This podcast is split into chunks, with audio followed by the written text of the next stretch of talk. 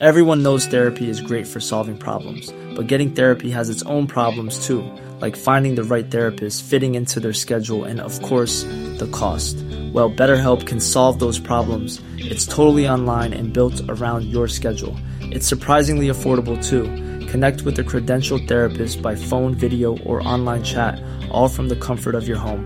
Visit betterhelp.com to learn more and save 10% on your first month. That's BetterHelp, H E L P. There's never been a faster or easier way to start your weight loss journey than with PlushCare. PlushCare accepts most insurance plans and gives you online access to board-certified physicians who can prescribe FDA-approved weight loss medications like Wigovi and Zepbound for those who qualify.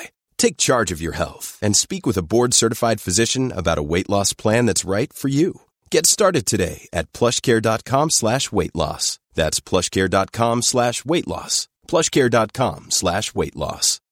Millions of people have lost weight with personalized plans from Noom, like Evan, who can't stand salads and still lost 50 pounds. Salads, generally, for most people, are the easy button, right? For me, that wasn't an option. I never really was a salad guy. That's just not who I am. But Noom worked for me. Get your personalized plan today at Noom.com. Real Noom user compensated to provide their story. In four weeks, the typical Noom user can expect to lose one to two pounds per week. Individual results may vary.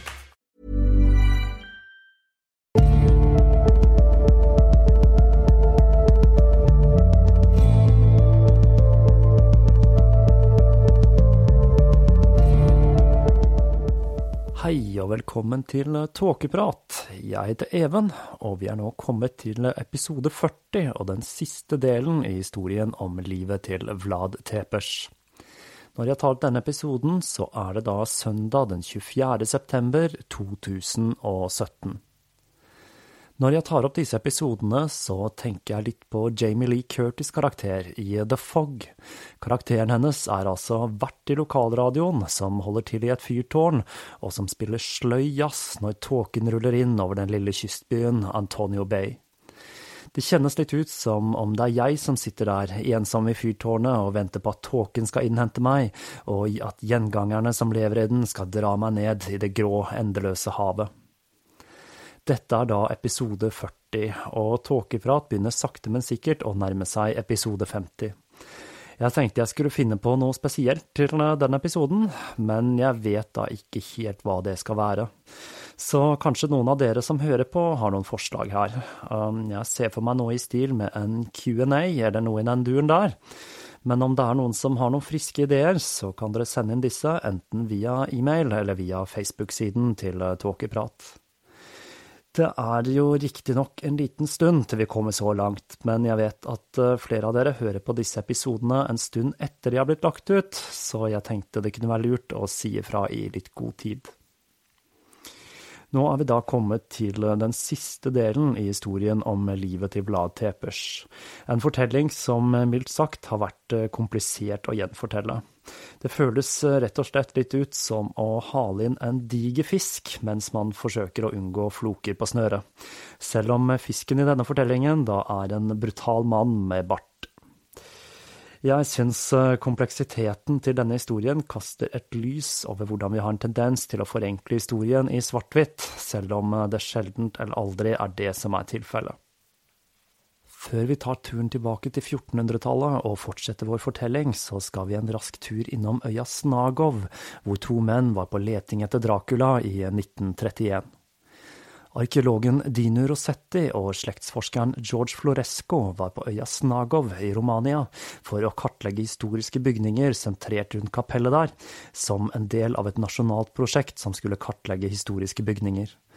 De fant en rekke tegn på at øya hadde vært bebodd siden bronsealderen, og de fant også tydelige tegn på at Snagov hadde vært mer enn bare et kloster, og måtte ha lignet mer på et festningsverk eller en liten by på Tepers tid.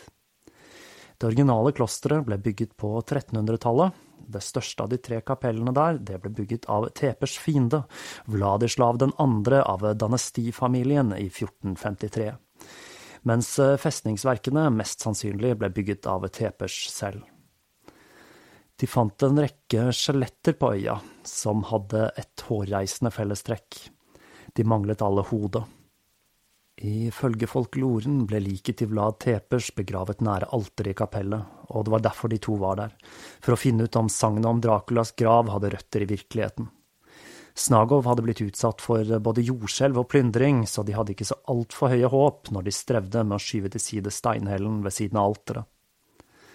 De to så ned i en tom grav. Før de rakk å undre seg om det var gravrøvere som hadde vært på ferde, la de merke til en annen grav, like ved inngangsdøren. Steinhellen over den ga inntrykk av at det var en betydningsfull person som lå gravlagt der.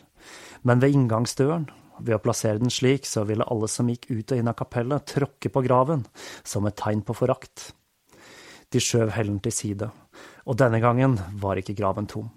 De stirret på en råtnet trekiste som en gang hadde vært drapert i et lilla klede hvor gullbroderiene fremdeles var synlige. De to så på hverandre og tilbake mot liket i kisten. Det hadde ikke hode. Liket var kledd i råtten silkebrokade i gult og brunt, og ermene hadde tydelig vært røde og vært festet med store sølvknapper og snorer som var typisk for 1400-tallet. Armene lå ikke i kors, som et tegn på fromhet, slik som det var vanlig å plassere de, men den høyre hånden hvilte ved hoften, som på et sverd. Men Tepers ville ha blitt begravet i rustningen sin, om man skal tro tradisjonen, og ikke i sivile klær, og måten hånden lå på hoften indikerte at vedkommende var keivhendt, noe som ble forbundet med ulykke og i verste fall med djevelen selv. De fant også en krone innlagt med turkiser, men i alle avbildningene av Tepers så bar han en utsmykket tøylue, det var ingen krone forbundet med voivuden av Alakia. De fant også en ring, som antageligvis hadde vært festet til mannens erme. Rosetti spekulerte på om denne kunne være knyttet til dragordenen. Funnet ble fraktet til det historiske museet i Bucarest, men når Hitler invaderte Romania i oktober 1940, fikk en gruppe i oppgave å frakte gjenstander fra museet i sikkerhet. Funnet ved Snagov ble borte under denne transporten og har aldri kommet til rette.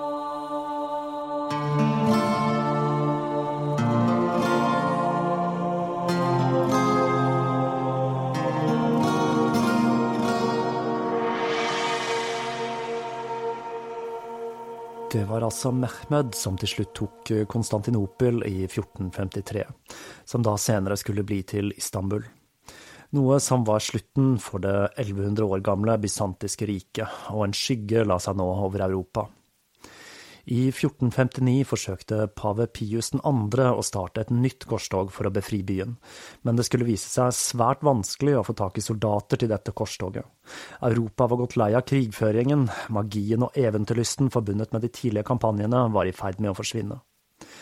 Og den hadde til tider vært eh, ganske sterk. Jeg mener eh, Bringsværd skrev i sin fantastiske serie Gobi at de forventet at barna i korstogene skulle synge Jerusalems porter åpne med sang og uskyld i dette korstoget, som da endte med at alle barna ble solgt inn i slaveri.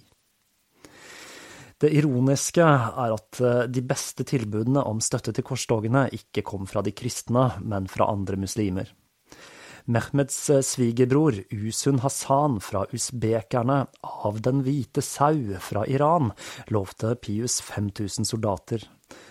Dadian Laprait, konge av Mingrelia ved Svartehavet, tilbød sin hjelp, og herskeren av Karaman i Trepisond lovet 40 000 mann. Om disse tilbudene hadde blitt en realitet, så ville denne hæren klart å stoppe Mehmeds framrykning i Balkan, men slik ble det ikke. I 1460 startet Pius korstoget og erklærte at alle som deltok, ville få tilgitt sine synder, og han skulle på en eller annen måte klare å skrape sammen 100 gulldukater til alle som deltok. Det siste bysantiske festningsverket, Morea, falt i tyrkiske hender i 1461, og ingen løftet en finger for å stoppe dette, selv om flere, inkludert Mathias Korvinus, hadde akseptert kirkens tilbud om gull. Den eneste av de kristne lederne som valgte å kjempe, det var vår mann, Vlad Tepers. Rumenske historikere forklarer Vlads engasjement i 1462 som et ektefølt driv til å opprettholde hans fars ed til drageordenen og for å nedkjempe alle fiender av Kristus. Men sannheten er at Tepers var en realist. Han forsto at eh, Mehmed aldri ville holde seg på den andre siden av Donau, og at han ikke kunne regne med hjelp fra Ungarn og Mathias Korvinus, så han valgte å slå til først. Flere historikere mener at målet til Mehmed var å gjøre Valakia til en provins, men dette ser ikke ut til å ha vært tilfellet. Tepers var en vasal av Mehmed og var forventet å betale 10 000 dukater og sende en årlig forsyning unge gutter. Han hadde sluttet å betale denne skatten til Mehmed siden 1459, kanskje fordi han var mest opptatt med å spidde bojarer og herje i de saksiske byene. Men han nektet dette helt åpenlyst. Tepers han kjente jo Mehmed personlig, kjente til hans forfengelighet og ambisjoner, og visste nøyaktig hvordan han kunne provoseres. I november 1461 sendte han et brev der han forklarte at han ikke kunne betale, og at han i hvert fall ikke kunne møte opp og betale personlig i Konstantinopel, slik som var vanlig. Tepers hadde nemlig lite lyst til å havne i klørne til Mehmed, som hadde hans yngre bror Radu ved sin side. Vi har jo sett hva som pleide å skje med brødre som knivet om arveretten til tronen. Så skjedde noe fryktelig spennende. Tepers ble lokket til Georgio, festningen på Donau altså, som var i tyrkiske hender for andre gang. Han sa han eh, dro dit for å vise sin gode vilje, og at han kom til å gjøre opp for den skatten han ikke hadde betalt, med mange barn, hester og flere gaver når han fikk muligheten til dette senere. Saken er den at Tepers visste godt at sultans emissærer Hamsha Bey og Thomas Katavolonios var sendt til Georgio for å ta han til fange. Tepers hadde med seg kavaleri kledd i tyrkiske rustninger, så tyrkerne de slapp inn Tepers tropper i den tro at dette var deres egne menn, og dette endte med at han brant Georgio og drepte soldatene som var stasjonert der, før han startet en offensiv langs Donau. Dette angrepet fant sted en spesielt kald vinter, og store deler av elva var fryst, slik at Tepers kavaleri kunne krysse den og angripe havnebyer fra isen. I mellomtiden var Mehmed og hovedtyngden av hæren hans heftet i et annet slag, nemlig mot usbekerne som tidligere hadde tilbudt sin hjelp i korstogene. Tepers beskriver angrepet i et brev til Korvinus. Vi drepte alle kvinner og menn, gammel og ung, fra Oblukita til Novoselo, hvor Donau renner ut i havet, til Rahova nære Chilia, ned til landsbyene Samovit og Gigen. Totalt drepte vi 23 884 tyrkere og bulgarere. Dette inkluderte ikke de som ble brent i husene sine, og de hvis hoder ikke ble vist til hærens tjenestemenn. Først på stedet de kaller Oblikuta og Novoselo ble 1350 drept, og 6840 ved Darstor, Kartal og Dridopotrom. Så 343 ved Orsova, og 840 ble drept ved Viktrem. 630 ble drept ved Turtukia, likeledes 210 ved Marotin. 6414 ble drept ved Georgio på begge sider av elven, og festningen på Donau ble erobret. Kommandanten i festningen ble drept. Kommandanten av Nikopolis, sønn av Firus Bess, ble også tatt til fange og halshugget, og alle tyrkerne ved Nikopolis samt alle de som var viktigst for ham, ble drept. Likeledes ble 384 drept ved Turnu, Batin og Novingrad. I Sistov og to andre landsbyer i nærheten ble 410 drept.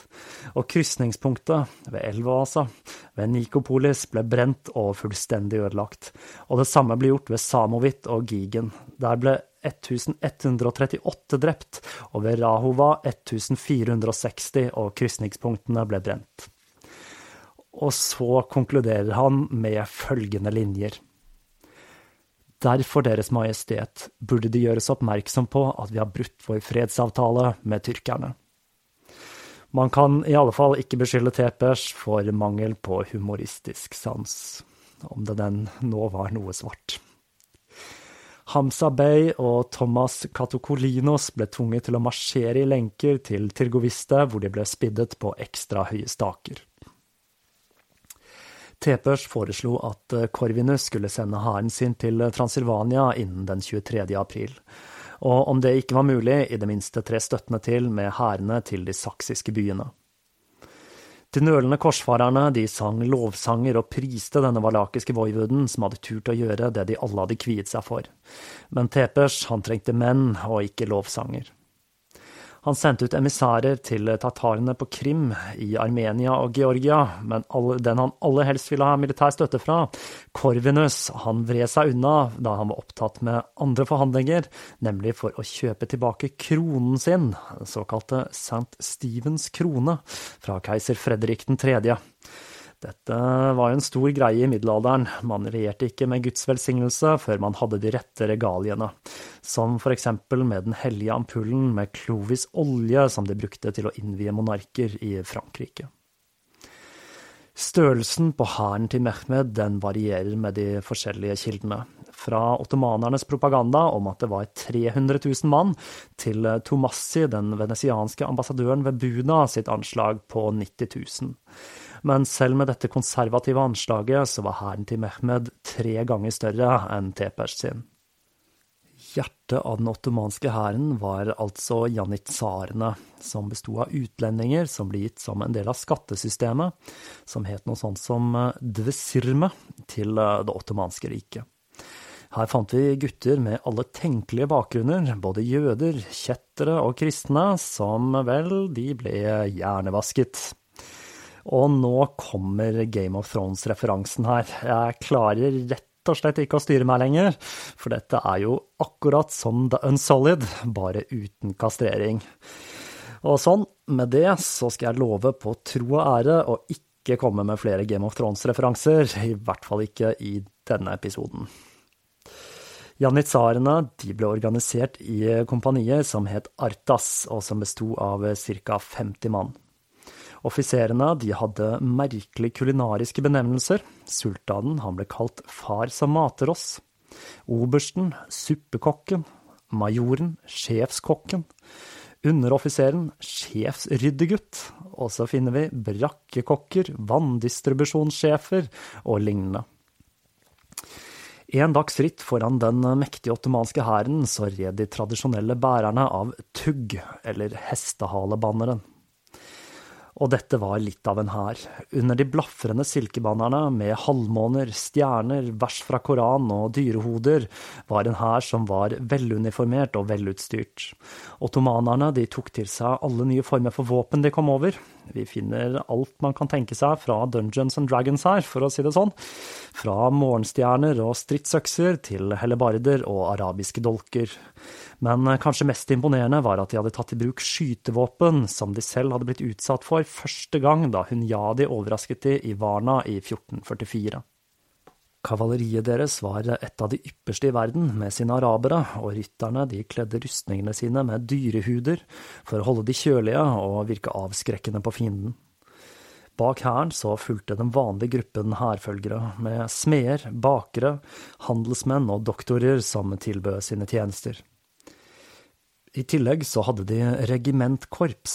Dette var musikkorps som benyttet trommer, cymbaler, trompeter og klarinetter, og som stort sett besto av grekere. Det var volumet til denne musikken som var viktig, og den psykologiske rollen den spilte på fienden, på samme måte som skottene med sine sekkepiper. Vi kjenner også navnene på de som var med i Mehmeds hær.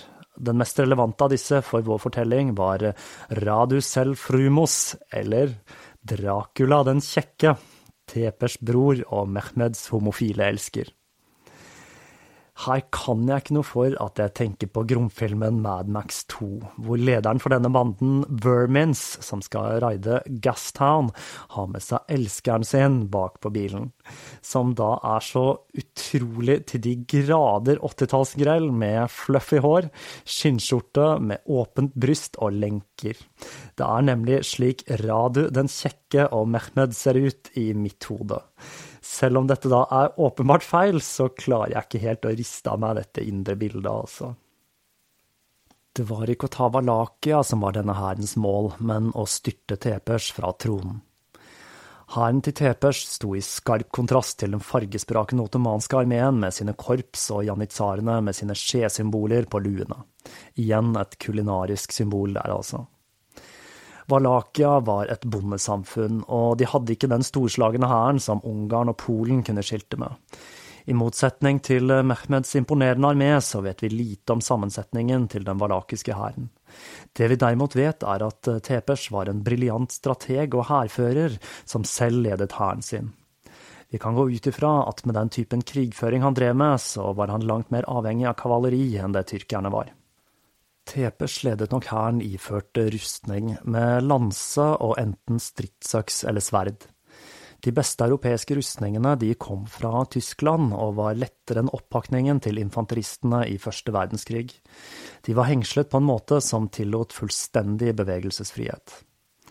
Hæren skal ha bestått av 24 000-31 000 mann, og besto av hva Tepers klarte å skrape sammen av soldater fra de saksiske byene, i tillegg til sin egen valakiske armé, og muligens noen leiesoldater betalt for av hans allierte. Tepers hadde en fordel, nemlig det at han kjente terrenget svært godt. Riktignok så hadde Mehmed Radu ved sin side, men han hadde ikke vært i sitt hjemland på nesten 20 år. Tepers han brukte lokalbefolkningen som speidere, og han utplasserte de på strategiske steder, og spesielt langs elva. Gjennom sommeren 1462 ventet Tepers tropper på Mehmeds ottomanske hær i sivet langs Donau.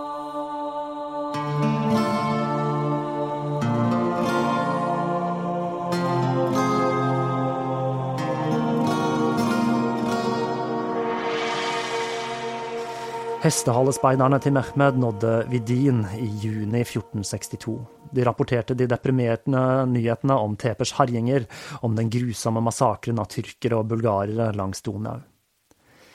Det er litt uklart hvordan det første angrepet startet. Her spriker kildene i sine beskrivelser. Men det virker mest sannsynlig at Mehmed begynte å skytle soldatene sine over Donau i båter, og at Tepers speidere hadde oppdaget dette. Tepers visste at dette var hans beste sjanse, og at han hadde mulighet til å angripe hæren mens den var delt i to, og det var akkurat dette han gjorde. Mehmed så forskrekket på mens janitsarene på motsatt bredde ble hugget ned av Tepers soldater. Men Mehmed han hadde med seg artilleri, og han startet en kanonade fra sine 120 kanoner, som drev den valakiske hæren tilbake. Nå var Tepers i knipe, han sto ovenfor en hær som var minst tre ganger så stor som sin egen, og han hadde ikke fått hjelp fra Mathias Korvinus her, og som ikke det var nok, så dukket det opp enda et problem. I nordøst, hvor hans fetter, som vi husker fra forrige episode, Stefan av Moldavia, erklærte sin støtte til Mehmed, begynte å betale skatt til ottomanerne og erklærte krig mot Tepers. Stridens kjerne var festningsverket Chilia på Donau-deltaet, som jo ble bygget av Tepers bestefar og i tillegg til dette så støttet Stefan Kasimirav av Polen. Tepers så seg derfor nødt til å sende 7000 soldater til østfronten.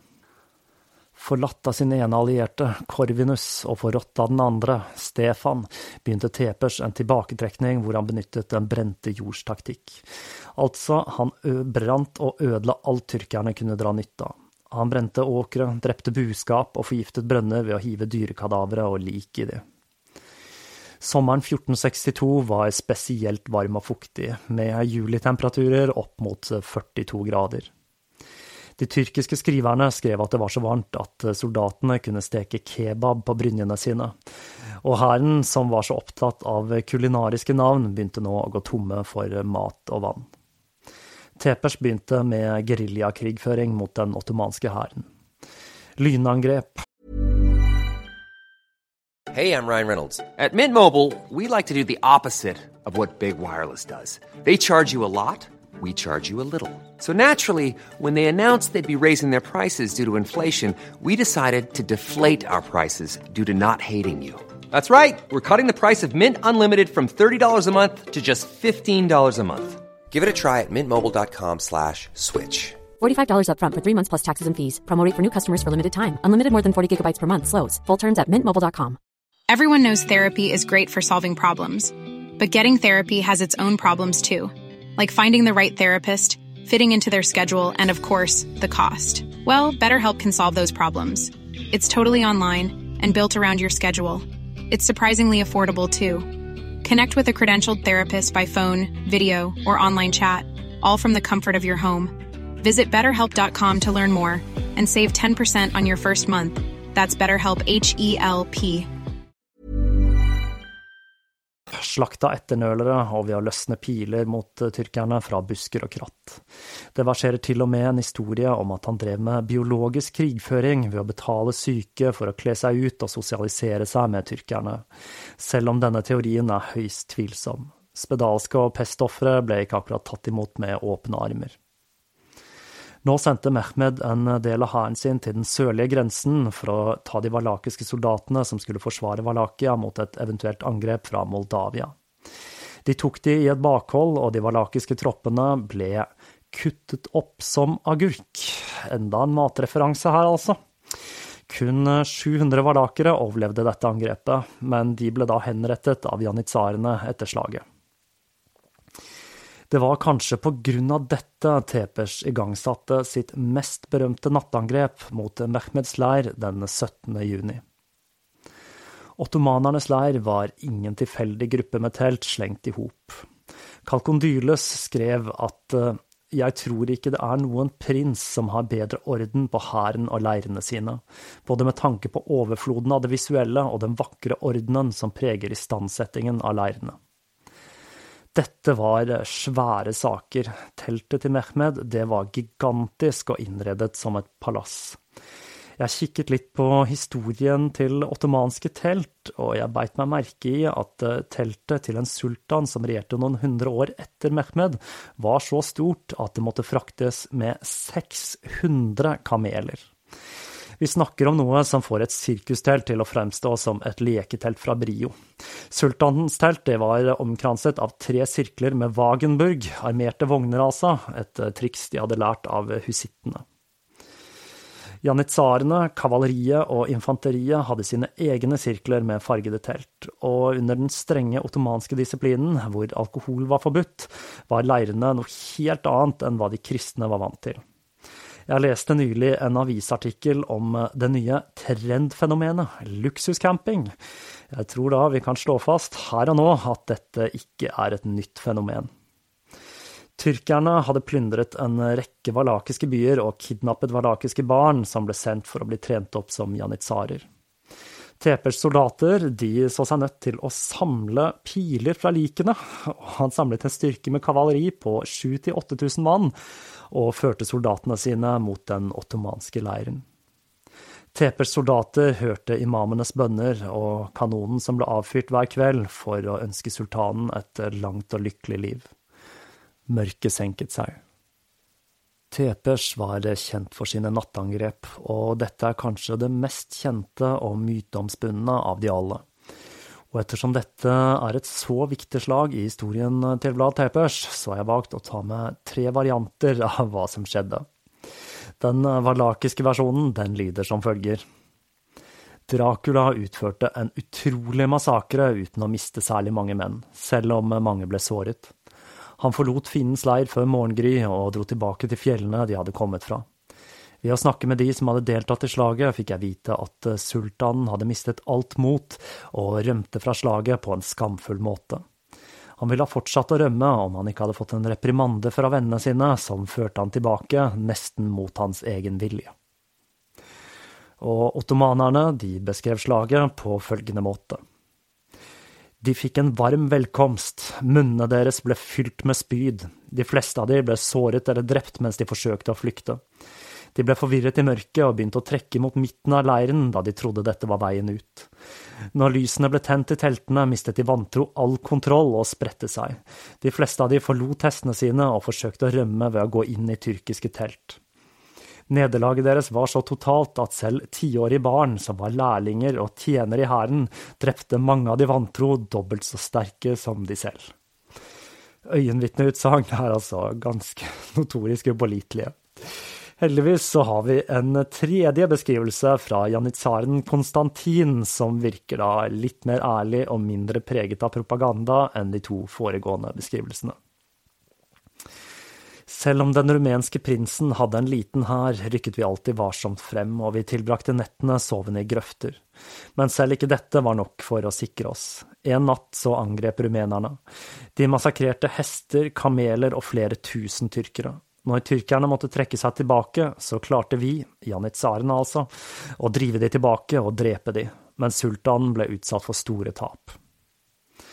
Det vi kan trekke ut av dette, er at Tepers eh, nattlige overraskelsesangrep lyktes nesten, men bare nesten. Og når de ikke klarte å ta livet av sultanen, så klarte de å flykte til tross for enorme odds. Uansett hvilken versjon som er riktig, så fulgte tyrkerne etter de flyktende valakierne. Enten om de da tok opp forfølgelsen av Vlads hær direkte etter angrepet, eller om de først brukte noe tid på å somme seg. Når eh, ottomanerne nærmet seg til Goviste, så kom de over et grusomt syn ca. ti mil fra Voivodens hovedstat. Kalkondyle skrev Sultanens hær kom til et jorde med staker, fem kilometer langt og en og en halv kilometer bredt. En skog av store staker hvor eh, de kunne se spiddede lik av menn, kvinner og barn. Cirka 20 000 lik hang der. Sultanen sa at han ikke kunne beseire landet til en mann som kunne gjøre slike unaturlige ting som dette, og som kunne bruke sin makt og sine undersåtter på denne måten. Resten av tyrkerne, som så så mange mennesker spiddet, ble vettskremte. Det var spedbarn som klamret seg til mødrene på stakene, og fugler som bygde rede i brystene deres. Det strides om hva som egentlig skjedde her, fordi tyrkerne de valgte å snu og dra til Braila, som de ødela og plyndret, før de dro tilbake over Donau og videre sørover til Edirn, mens de etterlot Radu, den kjekke, som skulle forsøke å ta den valakiske tronen. Enten var det sjokket over å se skogen av spiddede lik, hvor mange var Tepers egne undersåtter og de rømte i panikk, eller kanskje mer trolig at Mehmeds hær ble rammet av et sykdomsutbrudd, enten det var pest, malaria eller dysenteri. Middelalderens svar på troika-sjokoladen der, altså. En rekke små slag mellom Tepers og Radu fulgte, men innen august hadde Radu tatt den valakiske tronen, og Tepers ble drevet tilbake til festningsverket Poenari i fjellene, som jo var blitt restaurert av bojarene og deres familier.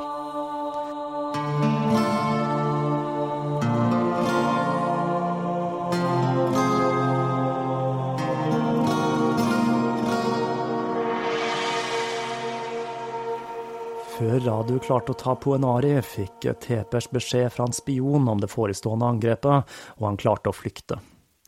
Det finnes en rekke historier og folklore om hvordan dette foregikk, men det er én spesiell historie jeg vil ta med her, da den fant veien til Coppolas Dracula fra 1992. Historien forteller at Tepers kone eller elskerinne, det er litt uklart hvem denne personen var, fortalte han dagen før angrepet at hun heller ville bli fiskemat for fiskene i elva Argis enn å bli en tyrkisk slave. Hun valgte å ta livet av seg ved å hoppe fra borgmuren og ut i elva som til den dag i dag blir kalt Ryul Duamanai, eller Prinsessens elv. I Coppolas variant så kaster hun seg i elva fordi hun fikk eh, falske nyheter om Vlads død. Men konseptet er basert på den samme legenden, og det er flere elementer fra disse sangene eh, som fant veien til filmatiseringen i 1992, som historien om at det blir sendt en beskjed til Poenari med pil på Robin Hood-vis, altså. Tepers han flyktet til Brasov, hvor han hadde avtalt å møte Korvinus. I november begynte de forhandlinger som dro ut i fem uker før han ble arrestert av Corvinus menn pga. en rekke brev som var tilskrevet Tepers, hvor det da står at han lovet å kjempe for ottomanerne og Mehmed. Et av disse brevene har overlevd frem til i dag, og det er ganske åpenbart at de var falske. Mest sannsynlig så ble de diktert av Corvinus selv for å rettferdiggjøre overfor pave Pius 2., hvorfor han ikke hadde støttet Tepers i kampen mot tyrkerne. Tepers var nå igjen en fange, og igjen så er det svært lite vi vet om hva som skjedde med Tepers i denne perioden. Vi kan gå ut ifra at eh, dette dreide seg om en husarrest og ikke en tilværelse i fangehullene. Corvinus han brukte tiden på å spre historier om Vlads grusomheter for å rettferdiggjøre fangenskapet. Mens Tepers satt i fangenskap, så fortsatte det politiske kaoset og den endeløse krigen. Stefan av Moldavia han tok festningsverket på Chilia, og en krig brøt ut mellom Corvinus og Stefan, som endte med seier til Stefan i 1467. Tre år senere begynte Stefan angrep mot Radu den kjekke for å få satt inn sin egen mann på den valakiske tronen. Bassarab Lajota, som vi da husker fra forrige episode, og som hadde vært en rival av Tepers. Denne konflikten den endte med at kona og datteren til Radu ble tatt til fange av Stefan, og Radu ble drevet tilbake til festningen på Georgio, hvor han døde av syfilis. Han var vel litt eh, for kjekk, han da, han godeste Radu. Nå hadde Korvinus et problem. Lajota betalte nemlig skatt til tyrkerne, og med han på tronen så hadde ikke Ungarn lenger en buffer mot det ottomanske riket. Med andre ord, han trengte tepers på den valakiske tronen, men det var et problem, nemlig det at han hadde forsøkt å sverte Vlad mest mulig for å rettferdiggjøre fangenskapet hans. Men eh, løsningen var enkel. Korvinus ba Tepers gifte seg med sin, Korvinus sin altså, kusine, Ilona Silagi, og dette innebar at han igjen måtte konvertere til katolisisme, og med dette så ville han få synsforlatelse for alle de grusomme handlingene Korvinus hadde fortalt hele verden at Vlad hadde stått bak. Med dette ekteskapet så fikk Vlad sin frihet, og han og Ilona fikk to sønner som skulle føre drageslekten og pakten til drageordenen videre i tusen år. Jeg liker måten man tenkte framover før i tiden. Tenk om vårt samfunn planla tusen år frem i tid, og ikke kun fram til neste stortingsvalg. Det hadde vært noe, det. Men eh, selv om enkelte historiske personer som planla tusenårsriker vel må kunne sies å ha hatt en del feil og mangler som overskygger den positive egenskapen langsiktig tenkning. Spidderens siste kampanje startet den 18. juli 1475. Det samme året ottomanerne tok Krimhalvøya og var nære ved å starte en konflikt med Russland som skulle vare i 400 år. Basarab Lajota hadde nå alliert seg med tyrkerne, og Stefan begynte å innse at situasjonen var uholdbar, og han allierte seg nå med Korvinus og Tepers. Tepers ledet hæren mot Transilvania, og i kjent stil så etterlot han seg et blodig kaos. Pavens legat, Gabriel Rangoni, skrev til Roma. Han rev lemmene av tyrkiske fanger og spiddet de på staker. Han stilte ut kjønnsorganene deres, slik at når tyrkerne fikk se disse, så ville de flykte i panikk. Våren 1476 var Tepers tilbake i Transilvania. Nå var det ikke bare moralsk støtte han fikk fra Stefan. Han hadde sendt en hær med over 20 000 mann til Tepers disposisjon, og denne hæren ble ledet av ingen ringere enn Steven Batory. Ja, du gjettet helt riktig her, han var nemlig av den Batory-slekten. Etter først å ha hjulpet eh, Stefan med å drive tilbake de tyrkiske troppene, marsjerte Tepers og Batori fra Transilvania med 35 000 soldater, og Stefan med sine 15 000 fra øst i en klassisk knipetangsmanøver. Basarab Lajota han slapp unna, men nå var Tepers igjen, for tredje gang, voivod av Valakia. De siste ukene av livet til Tepers er forsvunnet i historiens tåke. Batory og Stefans hærer hadde trukket seg tilbake, og mot slutten av desember 1476 forsøkte Lajota seg på et motangrep mot Tepers, til tross for de grimme skjebnene som hadde rammet de andre som hadde forsøkt seg på dette, nemlig Dan og Vladislav. Dette slaget var ikke rare greiene, kun et desperat forsøk fra en hær som allerede lå nede med brukken rygg, og Tepers hær var i ferd med å vinne slaget. Vlad betraktet slagmarken fra en bakketopp like i nærheten. Oppglødd nøt han skrikene fra de døende og seiersropene til sine egne soldater.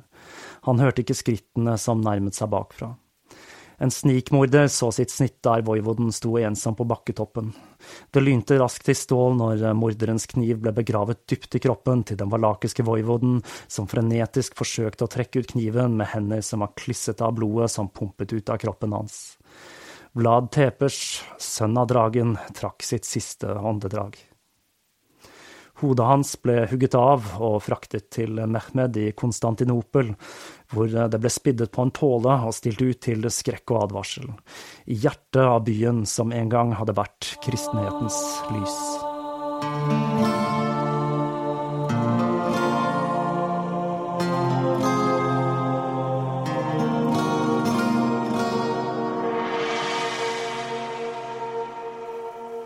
Historien om Vlad Tepers er en fascinerende fortelling.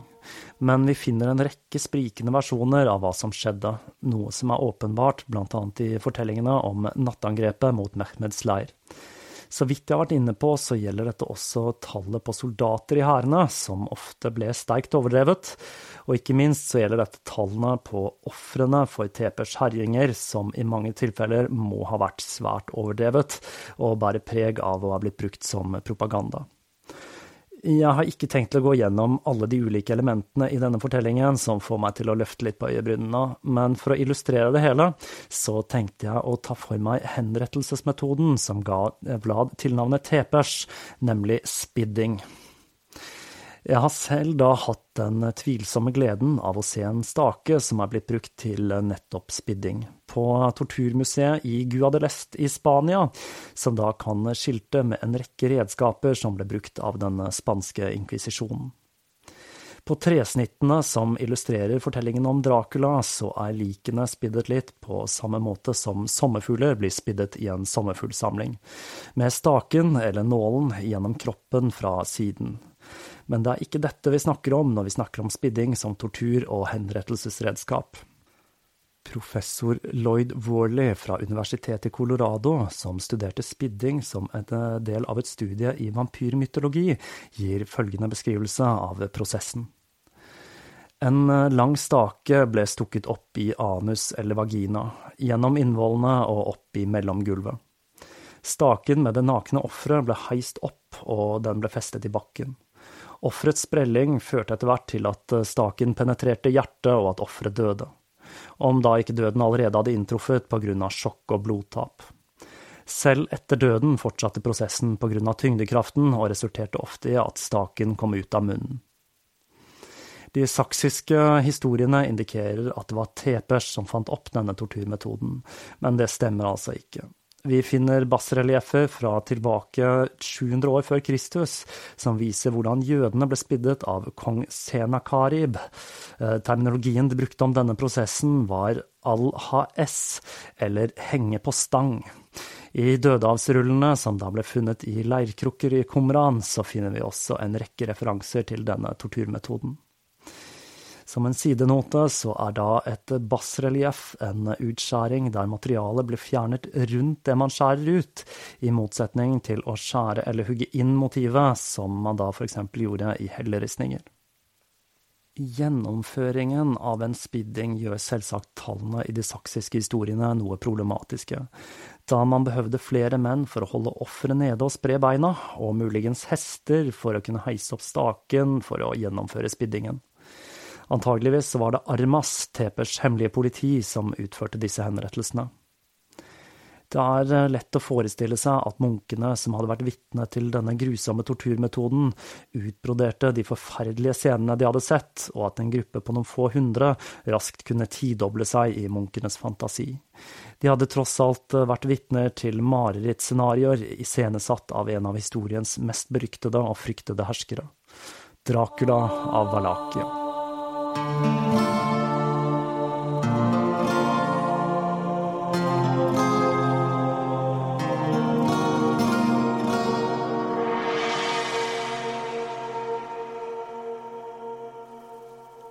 Med det så forlater vi Vlad Tepers og historien om den historiske Dracula.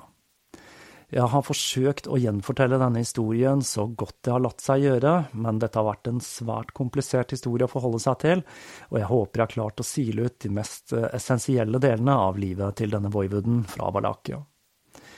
Det jeg tar med meg fra denne historien fra 1400-tallet, er at Valakia var et av de mest brutale og turbulente stedene i Europa. Vlad Tepes hadde en rekke likhetstrekk med diktatorene som kom senere, men til tross for en politikk som grenser mot det banale, så var han uten tvil en briljant strateg, og han var også uten tvil en svært brutal mann med liten medfølelse for sine medmennesker.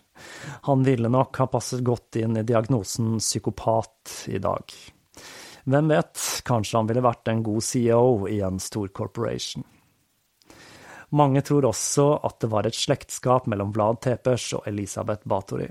Men dette skyldes nok at han kjempet ved siden av Stephen Bathory, og at begge familiene har vært en kilde til inspirasjon for senere vampyrhistorier. Elisabeth, som da riktignok ble født mer enn 100 år etter Vlad, inspirerte Lefanos Carmilla, og Tepers dannet grunnlaget for Stokers Dracula. I neste episode her i Tåkeprat så skal jeg bevege meg vekk fra middelalderhistorie, og jeg skal ta for meg et tema uten fullt så mange floker på snøret som denne historien, men som er minst like fascinerende og langt mer skremmende. Temaet jeg har tenkt til å ta for meg, det er svært nært knyttet til et element som har spilt en sentral rolle i denne fortellingen. Jeg har nemlig tenkt til å ta for meg menneskets eldste fiende. Jeg skal se litt på sykdommene, som ikke bare var en trussel på Tepers tid, men som fremdeles, den dag i dag, er en reell trussel mot vår sivilisasjon slik vi kjenner den. Og jeg tror mange av dere vil bli overrasket over hvor skummelt dette temaet faktisk er.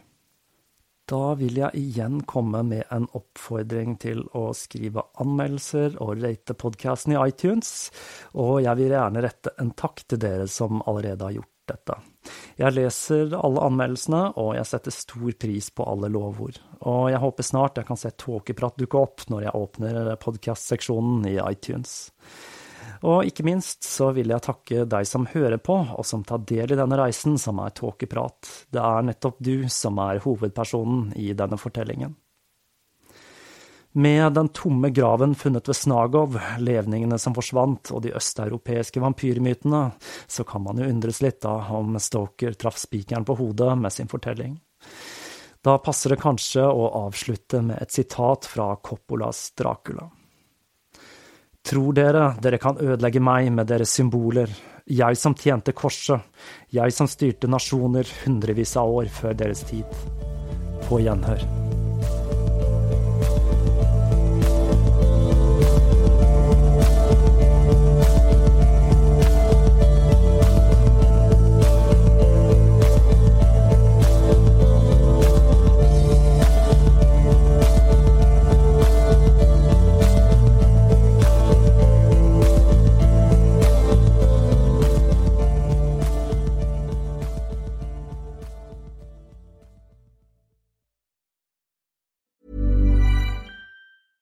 Even when we're on a budget, we still deserve nice things. Quince is a place to scoop up stunning high-end goods for 50 to 80% less than similar brands. They have buttery soft cashmere sweaters starting at $50, luxurious Italian leather bags, and so much more. Plus, Quince only works with factories that use safe, ethical, and responsible manufacturing. Get the high-end goods you'll love without the high price tag with Quince. Go to quince.com/style for free shipping and 365-day returns.